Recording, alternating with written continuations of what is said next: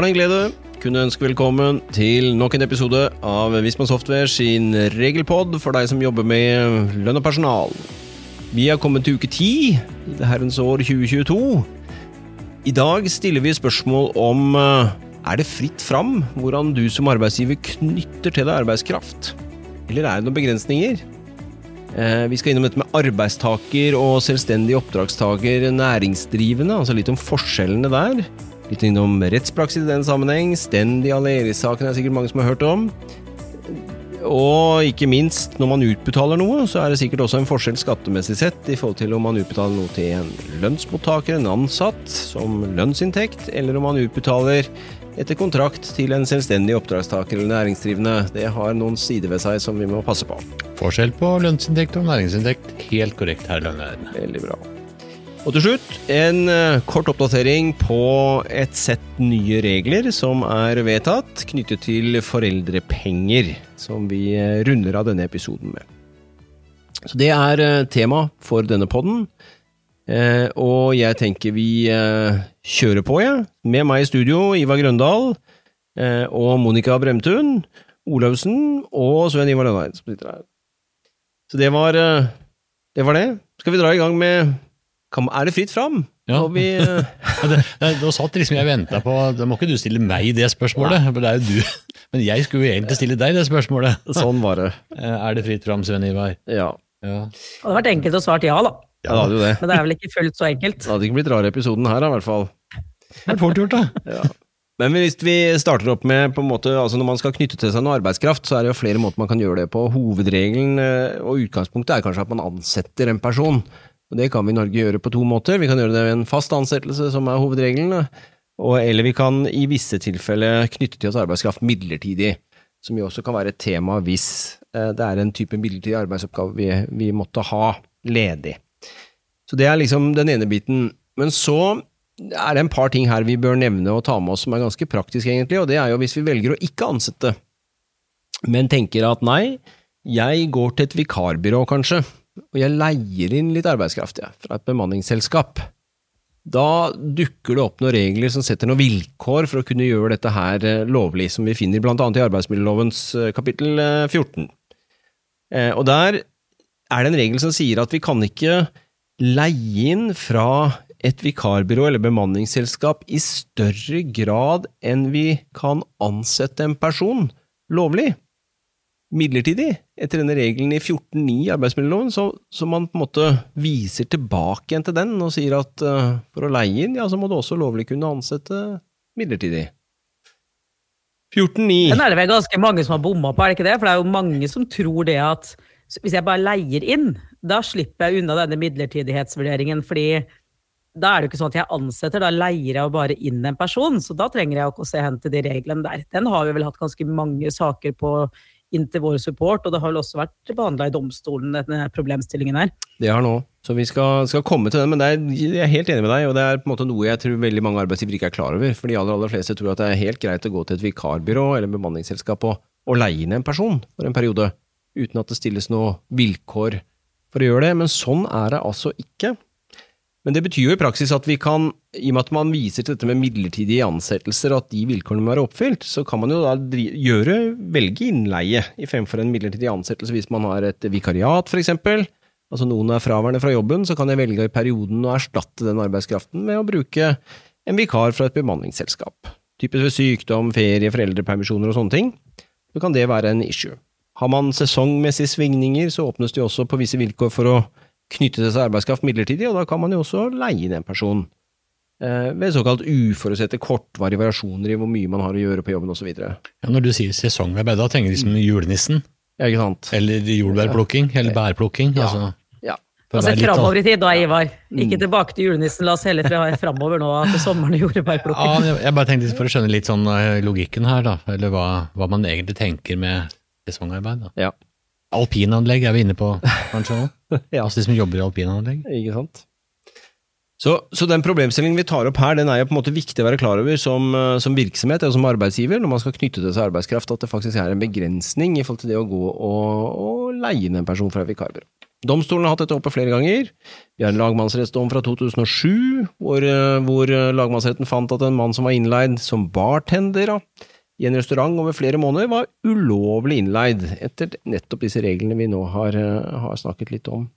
Og Det er en helt konkret vurdering som man da må gjøre av innleieforholdet. Om det var da tilknyttet denne saken fravær av en annen ansatt eh, eller ikke. Du, altså, Vi snakker om ting som ikke er lov. og Hva skjer, Er det noen konsekvens her hvis en bryter eh, Ja. innleieregelverket? Det er det jo. Og hvis vi ser på vikarbyrået først, da, så vil jo, hvis dette er, eh, så vil jo det kunne bety at denne vikaren som da måte, vil kunne ha krav på en fast ansettelse i vikarbyrå, dersom måte, vikarbyrået har en fast løpende behov for arbeidskraft. Så det, det samme reglene gjelder jo der, for der er vikarbyrå arbeidsgiver ikke sant, for vikaren. Mm. Eh, Så det er jo den ene biten, men også er det vi, da, som kjører eller leier inn fra vikarbyrå. Hva med oss, hvilken risiko løper jeg hvis jeg bryter disse innleiereglene? Og her er det faktisk sånn at jeg kan eh, ende opp med at denne innleide vikaren da også kan kreve ansettelse og fast ansettelse hos oss.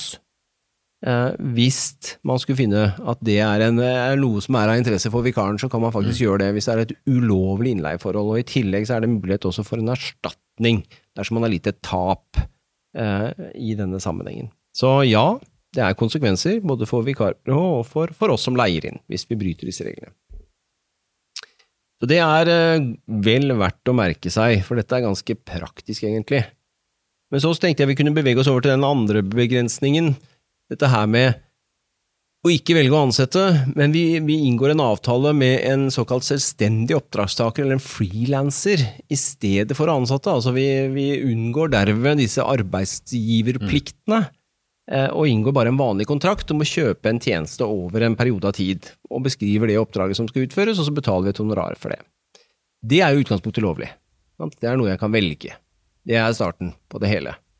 Men her kommer jo det vi gjerne kaller for 'livet går foran papiret'-tankegangen. Eh, Det hjelper på en måte ikke å inngå en såkalt oppdragskontrakt hvis realiteten er at dette er et arbeidsforhold.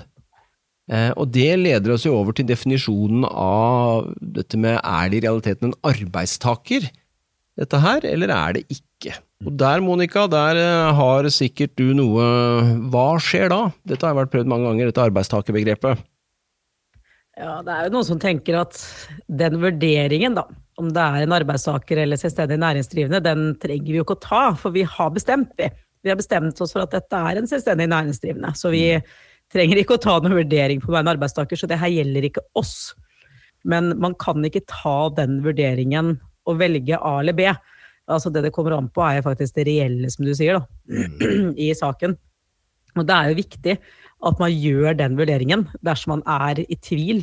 Hvilken kategori hører egentlig denne personen hjemme i? da?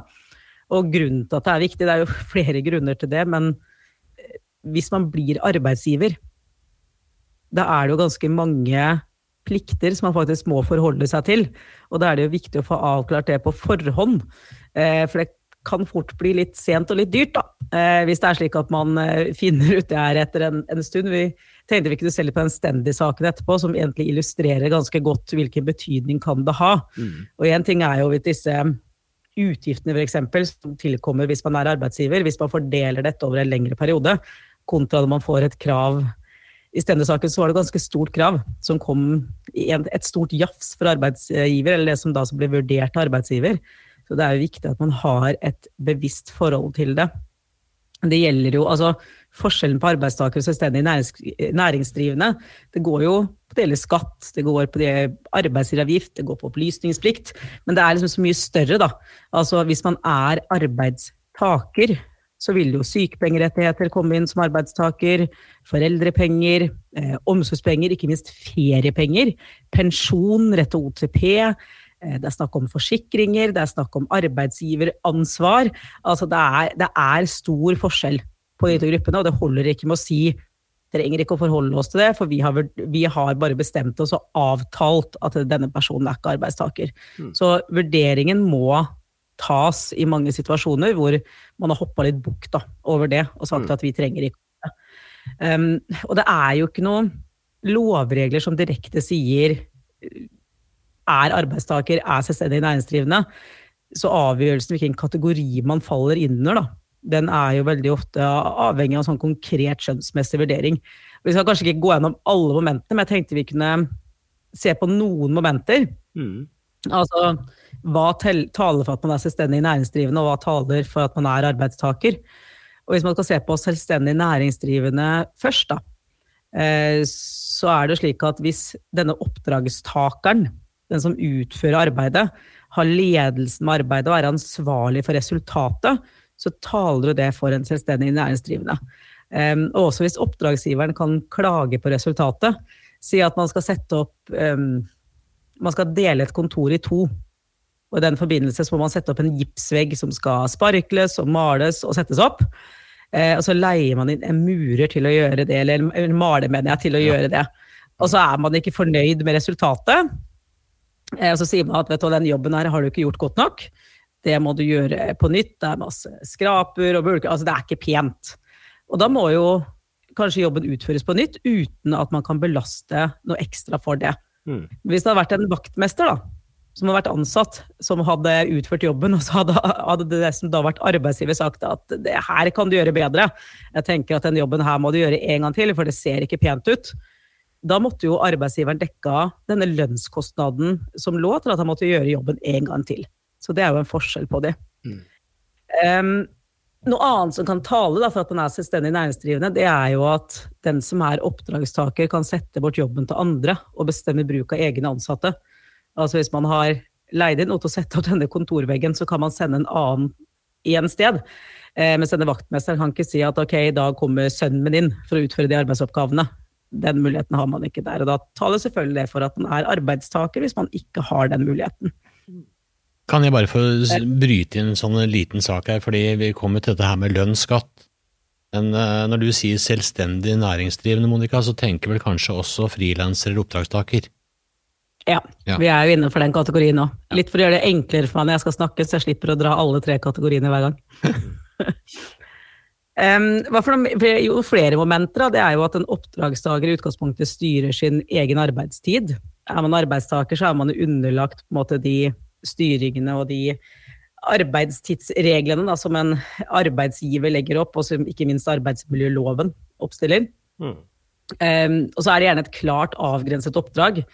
Vi skal gå tilbake til den veggen.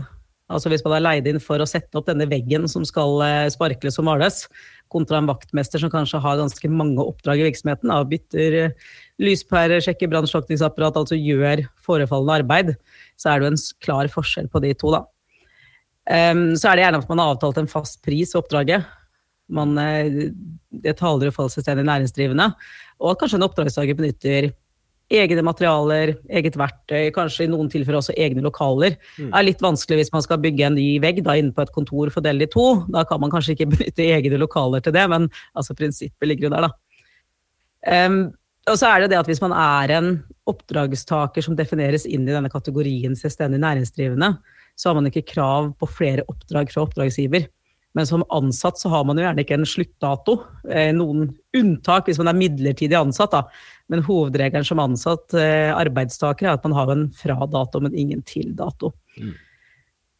Eh, så er det dette med flere oppdragsgivere. Det ser vi har blitt tillagt vekt flere ganger. At man ikke bare jobber ett sted, men altså har flere steder man utfører Eh, oppdrag.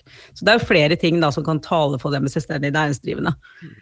Men så kan vi hoppe over til arbeidstaker òg, da. For det er jo Nå har vi jo snakka litt om måte, momenter som taler for at man er arbeidstaker også, men det kan jo være at man er underordnet denne som gir oppdraget. da.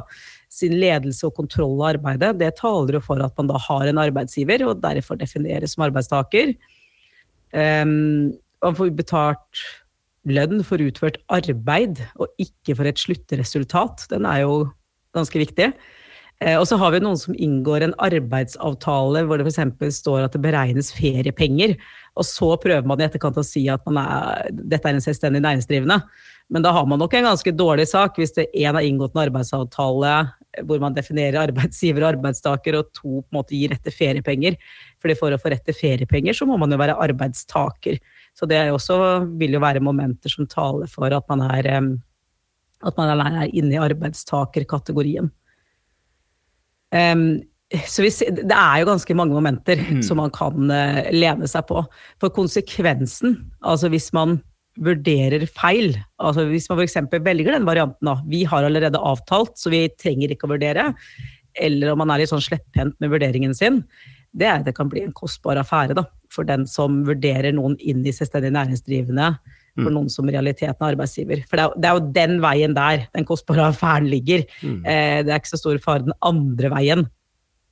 Um, og det her, altså Hvis de får dette kravet da, på seg at man har vurdert feil, og sier kanskje at det her ligger fem år tilbake i tid, at man har vært i denne virksomheten og utført arbeid i fem år, så vil jo også kravet kunne ligge langt bakover i tid. Mm. Eh, og vi vet jo det at noen sier at ja, vi har jo tre år på foreldelse uansett, men vi har jo en nylig avsagt høyesterettsdom, denne stendige saken, som viser at man kan jo fort gå lenger tilbake i tid enn eh, en tre år også. Um, og den stendige saken den viser jo ganske tydelig hva konsekvensen er da, for den som er, eh, faktisk er arbeidsgiver og ikke oppdragsgiver, når man blir vurdert inn til å være arbeidsgiveren her. Mm. Så jeg vet kanskje vi skal si litt om den, for den gir jo ganske mange svar både på hvordan vurderingen skal gjøres og hva konsekvensene blir ved en feilvurdering. Ja, det kan vi godt gjøre. Jeg tenker at De momentene du er innom da, som skal gjøres konkret hver gang, det er jo arbeidsgiver som gjør det, men de springer jo i all hovedsak ut av rettspraksis og hvordan domstolene vurderer dette arbeidstakerbegrepet, sånn som du har uh, redegjort for nå. og Det var jo nettopp det som skjedde i Aleris Stendi-saken også. Det handlet jo om uh, Den er jo fra 2019, uh, lagmannsrettsdom, der man nettopp var arbeidsgiver som her hadde inngått såkalt oppdragskontrakter da, med flere omsorgsarbeidere som jobbet på boliger for psykisk utviklingshemmede, og, og for så vidt brukere som hadde utfordringer innen rus og, og psykiatri. Eh, og på den måten, ved å gjøre de, det på denne måten, så slapp de nettopp til arbeidsgiverplikten, ikke sant, med, som du nevner, med sykepenger, feriepenger, stillingsvern er jo ikke der, ikke sant, det er en ren kontraktsmessig eh, sak. Og det var måten de hadde valgt å gjøre, knytte til seg arbeidskraft på i Aleris Stendi-saken. Og så er jo spørsmålet, går det bra? Eh, og de hadde jo da ordninger også som gjorde at de tjente for så vidt greit nok. Eh, men de eh, arbeidet jo lange dager. De jobbet i turnus, blant annet, langt utover det som var mulig i forhold til arbeidsmiljølovens arbeidstidsregler. Som jo er en del av konsekvensene på at man velger den type måte å knytte til seg arbeidskraft på. Og da var jo hovedspørsmålet i denne saken var jo om disse omsorgsarbeiderne i realiteten var å anse som arbeidstakere da. Og så gjorde jo domstolen her det samme vurderinga som du med de momentene du nå nevner, eh, og konkluderte med at jo, disse omsorgsarbeiderne de var reelt sett å anse som arbeidstakere, og derved datt de jo inn under alle disse arbeidsgiverpliktene som vi har eh, nevnt tidligere. Og konsekvensen i denne saken her, for å ta noe av det, det var jo at de da ble ansett som arbeidstakere, og arbeidsmiljølovens regler kommer inn i bildet, og de fikk derved annet rett til etterbetaling av overtid. De hadde jobbet masse, eh, som de jo ikke hadde etter kontrakten sin, men som de da ville få etter arbeidsmiljølovens eh, paragraf 10-6 og, overtidsreglene. Og så var det jo dette med pensjon, med en annen forpliktelse arbeidsgivere har, til å få til en tjenestepensjonsordning. Det hadde jo ikke disse hatt. Eh, og dermed så måtte arbeidsgiver i dette tilfellet etterinnmelde og etterbetale arbeidsgivers innskudd til tjenestepensjon også, for disse omsorgsarbeiderne som nå gikk til sak. Og så kan vi òg ta med det som du er inne på i forhold til når du nevner foreldelse og feriepenger. Fordi en oppdrags... Den var ganske spennende. Ja, den er heftig, den er spennende. Ja. En oppdragsavtale gjør jo at du i utgangspunktet ikke er arbeidstaker, og derved har du heller ikke krav på feriepenger av det du får utbetalt, og det hadde jo ikke disse fått. Uh, og de hadde jo heller ikke, og det er litt av clouet her, hatt da derved sant, rett til, eller faktisk avviklet noe ferie i kontraktsperioden. Uh, og det betyr jo, sa retten her, at retten til ferie, samt feriepenger, ja, de blir jo overført fra år til år så lenge kontraktsforholdet hadde bestått, og uten at man anså at krav på feriepenger foreldes etter de vanlige foreldelsesreglene. Og det lagmannsretten sitat sier, er at tap av ferierettigheter av frister i nasjonal ferielovgivning kan være forenlig med direktivet, men bare dersom det kan påvises at arbeidstakerne har hatt en reell mulighet til å ta ut ferie, Og det hadde jo ikke denne gjengen her, ikke sant, for de hadde ikke hatt noen ferierettigheter. Eh, og dermed så blir det heller ingen foreldelse, og dermed fikk de etterbetalt feriepenger eh, for hele kontraktsforholdets varighet. Altså det er jo spenstig, i forhold til mange som tenker at vi tar den vurderingen hvis det kommer, og vi ja. har råd til denne vurderingen noen år tilbake i tid. For det, det ble jo en ganske dyr sak, eh, det dette her, for arbeidsgiveren. Ja. Det var vel Vi lå rett i overkant på 24 millioner, vel, til eh, omsorgsarbeiderne. Og i tillegg så mm. fikk man jo saksomkostningene, da.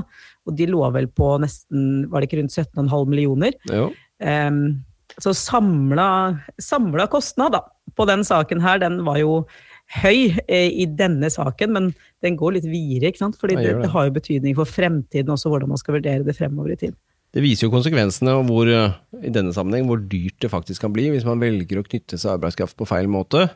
Eh, så det er jo det er absolutt noe jeg som arbeidsgiver, virksomhet, må være klar over. At det er noen begrensninger i på en måte, det valget vi gjør her. Og det er jo denne saken et godt eksempel på. Da, da blir det fort dyrt. Så moralen er at det må, det må vurderes, man kan ikke bare si 'vi har bestemt oss for'. Yes. Det er, og hvis motivet er å omgå disse arbeidsgiverpliktene som, eh, som, eh, som, vi er flinke til i Norge, så, så, går det heller dårlig. Hvis man i realiteten i forholdet er at det er arbeidstakerforhold. Men jeg tenker vi kunne gå Det er greit å merke seg før vi avslutter det helt, det er på en måte at det hjelper, kanskje vi kan si at det hjelper ikke at begge parter er enige om det heller. Nei. Fordi det var jo noen i denne sak som tenkte at jeg vil ikke være arbeidstaker, jeg. For jeg vil blant annet ikke være omfattet av de strenge arbeidstidsbestemmelsene. Jeg vil gjerne jobbe så mye som mulig. Den problemstillingen har vi av og til. Mm. At det er noen som ikke har lyst til å defineres inn som ikke arbeidstaker. Sant. Men det er jo heller ikke grunnlag for å si at man ikke skal være det. Um, så denne momentvurderingen må man jo ta uansett, da. Det må man gjøre. Og dårligere ordninger kan vi på en måte ikke ha uh, enn eh, det arbeidsmiljøloven legger opp til. Så disse vernereglene slår inn. Det er ikke fritt frem. Jeg tenkte vi kunne eh, si litt mer også om det man utbetaler når man på en måte knytter seg til arbeidskraft. Det er jo litt forskjellig avhengig av type kontrakt man er. Er det et ansettelsesforhold, så er det jo lønnsinntekt på vanlig måte. Men er det utenfor arbeidsforhold, altså type oppdragstaker da, eh, eller næring, så vil det jo være en annen type, altså type næringsinntekt. Og her er det vel noen skattemessige sider som vi også må passe på å få med oss selv om. Så vidt jeg veit. Er du oppdragstaker og får utbetalt noe i den sammenheng, så behandles det i all hovedsak på samme måte som om det er lønnsinntekt. Men dette kan du mer om, Ivar? Ja. Ja, nei, holdt jeg på å si. Jeg burde vel kanskje det, da. Um, ser litt sånn hva, hva skal arbeidsgiver gjøre um, i forhold til arbeidstaker, oppdragstaker, frilanser, eller at det er næringsinntekt? Jeg vil bare ha med sånn en, en sånn praktisk ting jeg, i forhold til liksom, er dette her en oppdragstaker, ansatt, eller så kan det være næringsinntekt. Jeg tenker at bedriften fyller 100 år, og så ønsker man å eh, få skrevet en bok i forbindelse med bedriftens 100-årsjubileum. Og så er det vel ingen som er ansatt i bedriften som er forfatter, eller som er flinke til å skrive, så man vil knytte til seg en person som skal skrive bedriftens historie. Denne personen kan skrive på kvelden, på natta, eh, helga, altså når det passer for vedkommende, Um, og i tillegg så har man bare fått en frist på når det skal være ferdig. Og da tenker jeg, er dette noe som bedriften normalt utfører? Eh, det er jo ikke det. Um, så dette var et tips en ga meg en gang, at det, i forhold til når er det en si, arbeidstaker, og når er det en oppdragstaker, og det var, synes jeg var et veldig godt eksempel på det. Og da kan jo jeg ta den videre. De fleste vil nå sikte at, dette her er et, eh, at det er en frilanser eller en oppdragstaker. Eh, men det kan hende at det er næringsinntekt. Altså at, eh, at det ikke skal innberettes som lønn honorar, men som, som, næringsinntekt. Så det dere har snakka om, det går på det arbeidsrettslige, hvor skillet går mellom en arbeidstaker og oppdragstaker, frilanser, og næringsdrivende utafor der igjen. Eh, skattemessig så går skillet mellom oppdragstaker, frilanser og næringsinntekt. Sånn at vi ser at det er to forskjellige skiller, da skal vi kalle det for det. Kan du tenke deg Der hvor du liksom ikke er i tvil, da. Uh, Sven Ivar, Monica Ivar, er ansatt i Visma Software AS mm. for å drive med blant annet det vi gjør nå. Eh, Og jeg vil regne med at eh, det er veldig godt innafor å si at vi er arbeidstakere. Eh, Så kan det være den andre veien. Altså, du har behov for å få mokt snø av eh, plassen utafor bedriften. Du leier inn en som kommer med traktor og, og rydder vekk denne snøen. Uh, og da vil jeg jo si at eh, det er jo ikke en arbeidstaker. Ikke? Det er jo en som uh, kommer med egen traktor. Monica, du var inne på momentene i stad. Så liksom alle momentene er her, om en gjør det klokka fem om morgenen klokka sju. ikke sant? Det, må jo ryddes vekk, da. Men alle de momentene der vil nå si passer inn i forhold til det Monica var inne på, at dette er da enten en frilanser eller at er næringsinntekt. Og det er jo der ofte eh, si det vanskelige spørsmålet skatterettslig er, da. Eh, er dette en frilanser oppdragstaker, eller er det en som har sendt en faktura, eh, og du betaler den på vanlig måte, som for eksempel til et AS, eh, og hvor det da ikke er opplysningsplikt i utgangspunktet. Så en oppdragstaker, en arbeidstaker, frilanser, eh, si skattemessig behandles det jo helt likt. Det er forskuddstrekk, det er arbeidsgiveravgift, eh, hvis det utføres i Norge osv., skal ikke ta den nå, Eh, men de behandles på den måten likt. Så eneste forskjellen der, det er jo de opplysningene som skal være med til A-meldinga. er Unnskyld, i, i A-registeret, eh, hvor det er eh, kun opplysninger om start, slutt og yrkeskoden som gjelder på frilanser og oppdragstaker, mens for arbeidstakere er mye mer opplysninger. Så det er eneste forskjellen der. Så her må du lese inn skattekort og full pakke eh, når det er oppdragstaker frilanser. Når det gjelder næringsinntekt, så får du gjerne en faktura eh, med et org-nummer på. Eh, og det er jo gitt ut en del informasjon, blant annet så ligger det jo på, på Skatteetaten, vi har også lagd artikler på det, men på Skatteetaten så ligger det en, en informasjonsside som heter Er jeg næringsdrivende? Og er du i tvil, så anbefaler jeg at jeg leser den. Men summa summarum så er det du som utbetaler, som har hele ansvaret for å si vurdere riktig. Og det går på det å beregne forskuddstrekk og arbeidsgift som det viktigste. Uh, og da er det jo uh, Ja, hvis du ikke gjør det, hva kan skje?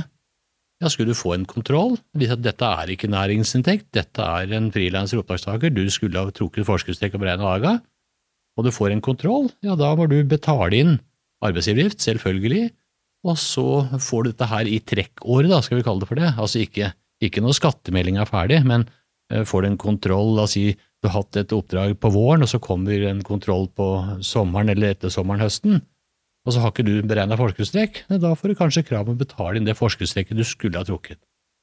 Og ja, det å få tilbake en penger sånn, Svein Ivar, det er vel ikke det enkleste heller. Nei, det er en øvelse i seg. Det er en øvelse i seg. Så eh, viktig her at, eh, at du finner ut er dette her eh, ansatt, altså arbeidsforhold.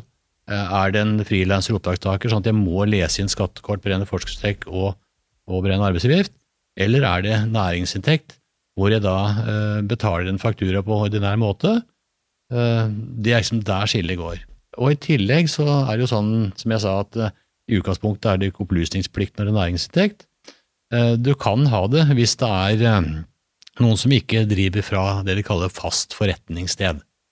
Jeg har ikke leid seg noen noe lokaler, dette her er den som driver snøbrøytinga, som bor, eller har ikke noen noe egne lokaler som en, som en driver ifra, og da har du en opplysningsplikt, og da har du et skjema som heter RF 1321, eh, som ligger på Altinn, og da er det vel er det 15. februar i året etter Mm. eh, som er fristen å, å, sende inn, da. Um, ja, det var kanskje det Mm. viktigste å ha med seg. Så ligger det da sjølsagt en artikkel på Community, som eh, kan titte på og lese litt mer. Mm. Eh, og så er det på veiledningen, altså uh, A-ordning sin veiledningssider. Der står det jo også mye om uh, frilansere, oppdragstakere, og sjølsagt de som er arbeidstakere. Mm. Den veiledningen der kan også være grei å lese gjennom. Mm. Jeg tenker det, for jeg syns det er viktig det der med at man på en måte, selv der man er såkalt selvstendig oppdragstaker og frilanser, så har en oppdragsgiver, da, som vil være arbeidsgiver ofte her, selv om det er feil å bruke det begrepet kanskje, men ha trekkplikt i forhold til forskestrekk og aga-plikt på vanlig måte, som om man for så vidt var i et arbeidsforhold. Ja. Det er, Og der, ikke sant, du, som arbeidsgiver så er du ansvarlig for det hvis du får en kontroll i løpet av trekkåret. Ja. Så viktig. det er viktig. Så tenk deg, du har betalt ut en, en faktura på 100 000 kroner, og så skulle kanskje 40 000 ha vært eh, forskuddstrekk, Mm. og det har ikke du bare betalt ut 100. Mm. Så får du en kontroll, og så får du et krav om å betale inn 40. Mm. Så skal du ha igjen de 40 av den frilanseren eller oppdragstakeren som var hos deg. Mm. Lykke til, sier jeg da. Så her er det òg konsekvenser, altså, ved å gjøre disse greiene her eh, feil. Eh, Så det får vi passe på. Jeg tenker det ligger tre artikler om tematikken ute på HR-lønnområdet til eh, Community, Mm. eh, som går i dybden på dette her, så er det bare å titte inn der og, og lese seg opp mer. Men uh, Indre Østfold, er du, er du klar? Are you ready? Ja. Eller er ikke kanskje Ja, er, Indre det Østfold? er det foreldrepenger vi skal snakke litt om, tenkte du på? Ja. Siste tema på agendaen. Ja, for der har det skjedd noe som har ganske stor betydning for øh, I hvert fall for far, har jeg skjønt. Ja, det er jo alltid litt sånn vårstemning for meg når eh, det kommer endringsregler på, på foreldrepengene. Og det kommer jo noe nå også. Vi har jo gjerne vært vant til at det skjer noe med antall stønadsuker eller fedrekvoten rundt den tiden her. Fedrekvoten ligger jo ganske langt tilbake i tid nå. Den kom jo i, i 1993, så det er jo ganske lenge siden vi så fedrekvoten på en måte første gang. Eh, Men de endringene som kommer nå, de knytter seg, to av de knytter seg til far og fars rettigheter, og skal på en måte styrke fedres rett til fedrepenger. Og så er det én endring i forbindelse med foreldrepenger ved tette fødsler. Jeg tenker jeg ikke si så veldig mye om det nå, jeg tenker vi tar heller opp tematikken litt nærmere når de trer i kraft. Da. Men vi kan jo bare veldig kort fortelle hva det er. Og, og bakgrunnen for de endringene vi får nå, det er jo et eh, EU-direktiv, eh, et EU-direktiv om balansert arbeids- og familieliv, som på en måte er årsaken da, til at det endres her nå også i, eh, i Norge. Og den jeg tenker kanskje får Som omfatter flest fedre, da. Eh, som har vært veldig mye diskutert. Eh, som har vært veldig mye fram og tilbake i forhold til når fedrekvoten har gått opp og ned, f.eks. med antall uker med fedrekvote så har man stadig vekk kommet tilbake til disse to ukene som far får i forbindelse med fødsel med permisjon. Eh, hvor man altså ikke har hatt rett til verken noe lønn utbetalt fra arbeidsgiver eller en eller annen stønad fra folketrygden, men det man har rett til er en, en, en permisjon som er hjemla i 12-3 da, i arbeidsmiljøloven, hvor man har rett til to uker permisjon i forbindelse med fødsel. Og her har det jo på en måte vært mange som har um, vært for at istedenfor å hele tiden regulere denne fedrekvoten, da, er det ikke mer fornuftig å si at far får lov til å ta ut foreldrepenger i forbindelse med disse to ukene. For det har man jo muligheten ikke hatt. For de første seks ukene etter fødsel, og de første tre ukene også, eller de siste tre ukene før fødsel også, er jo mors uker. Eh, Det er jo sånn obligatorisk periode egentlig for mor. eh, Siste tre før fødsel og første seks etter fødsel. Og det vil jo si at da har jo mor 100 uttak av foreldrepenger. Så det er ikke noe igjen til far eh, som hovedregel. Men her er det jo nå vedtatt en endring, at far skal ha muligheten til å ta ut nå inntil to uker med foreldrepenger i forbindelse med fødsel. Men de legger ikke på nye uker. Dette her går på en måte av denne kvoten som far skal ta altså av fars totale stønadsperiode med foreldrepenger. Så man legger ikke på noen nye uker her, men man åpner for et nytt tidspunkt å ta det ut på. Veldig mange har jo i dag muligheten allerede til betalt permisjon, men det er da via en eller annen form for avtale, altså tariffavtale, arbeidsavtale, personalreglement. Eh, Men det er fortsatt fedre som ikke har rett til noe lønn her, og ikke har muligheten til å ta disse to ukene da. Og derfor så vil jo det her være mm, et ganske godt løft da, for disse fedrene. Eh, Den andre endringen det handler om de situasjonene hvor kun far har opptjent seg rett til foreldrepenger. Hvor far nå gis en selvstendig uttaksrett. Altså vanligvis, hvis det bare er far som har opptjent seg rett til foreldrepenger, så stilles det krav til aktivitet eh, hos mor for at far skal kunne ta ut foreldrepenger. Nå sier man at inntil åtte uker skal far få lov til å ta ut foreldrepenger uten at det stilles noe krav til aktivitet hos mor, hvis det kun er far da, som har opptjent seg rett til foreldrepenger. Og det siste gjelder foreldrepenger ved tette fødsler. For det er jo slik at hvis man har tette fødsler her, så er det jo kan man jo miste eh, stønadsperiode, altså uker med foreldrepenger. Em, stønadsdager som ikke er tatt ut, vil vi i utgangspunktet falle bort når en stønadsperiode for nytt barn starter. Og her får vi nå en endring hvor eh, kvinner som føder, vil kunne ta ut inntil 22 uker med foreldrepenger, eh, altså som tilhører denne, det første barnet. da. Mens eh, fedre, medmødre og adoptivmødre vil kunne ta ut inntil åtte uker av den opprinnelige stønadsperioden. Og når foreldrene har fått tatt ut de ukene her, da, enten 22 uker for kalle biologisk mor, da, eller disse åtte ukene for de øvrige, eh, så faller resten av stønadsdagene som ikke er tatt ut innenfor 48 uker, bort.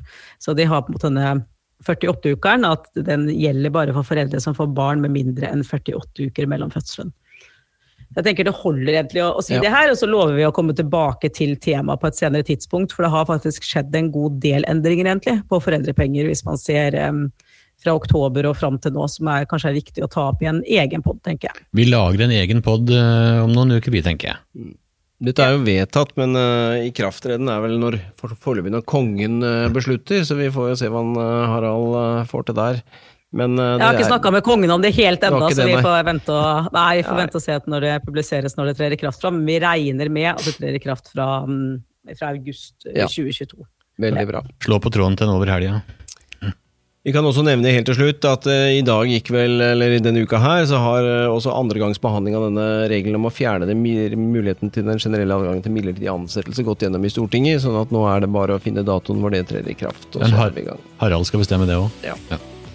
Så det var, eh, det var dagens pod med mye matnyttig stoff. Eh, Det er artikler om alt dette her liggende ute på vårt community, så titt gjerne innom der hvis du vil eh, lese mer om det her. Eh, Og så minner vi om at vi er tilbake om 14 dager. Da har vi med oss Alisha, vår executive director, på i neste ukes pod og skal snakke bl.a. om hjemmekontor og hybridløsninger og regler og erfaringer fra Visma sin periode med, med mye bruk av hjemmekontor. Det blir spennende, Det er Hovedtema neste, neste gruppe. og jeg gleder meg.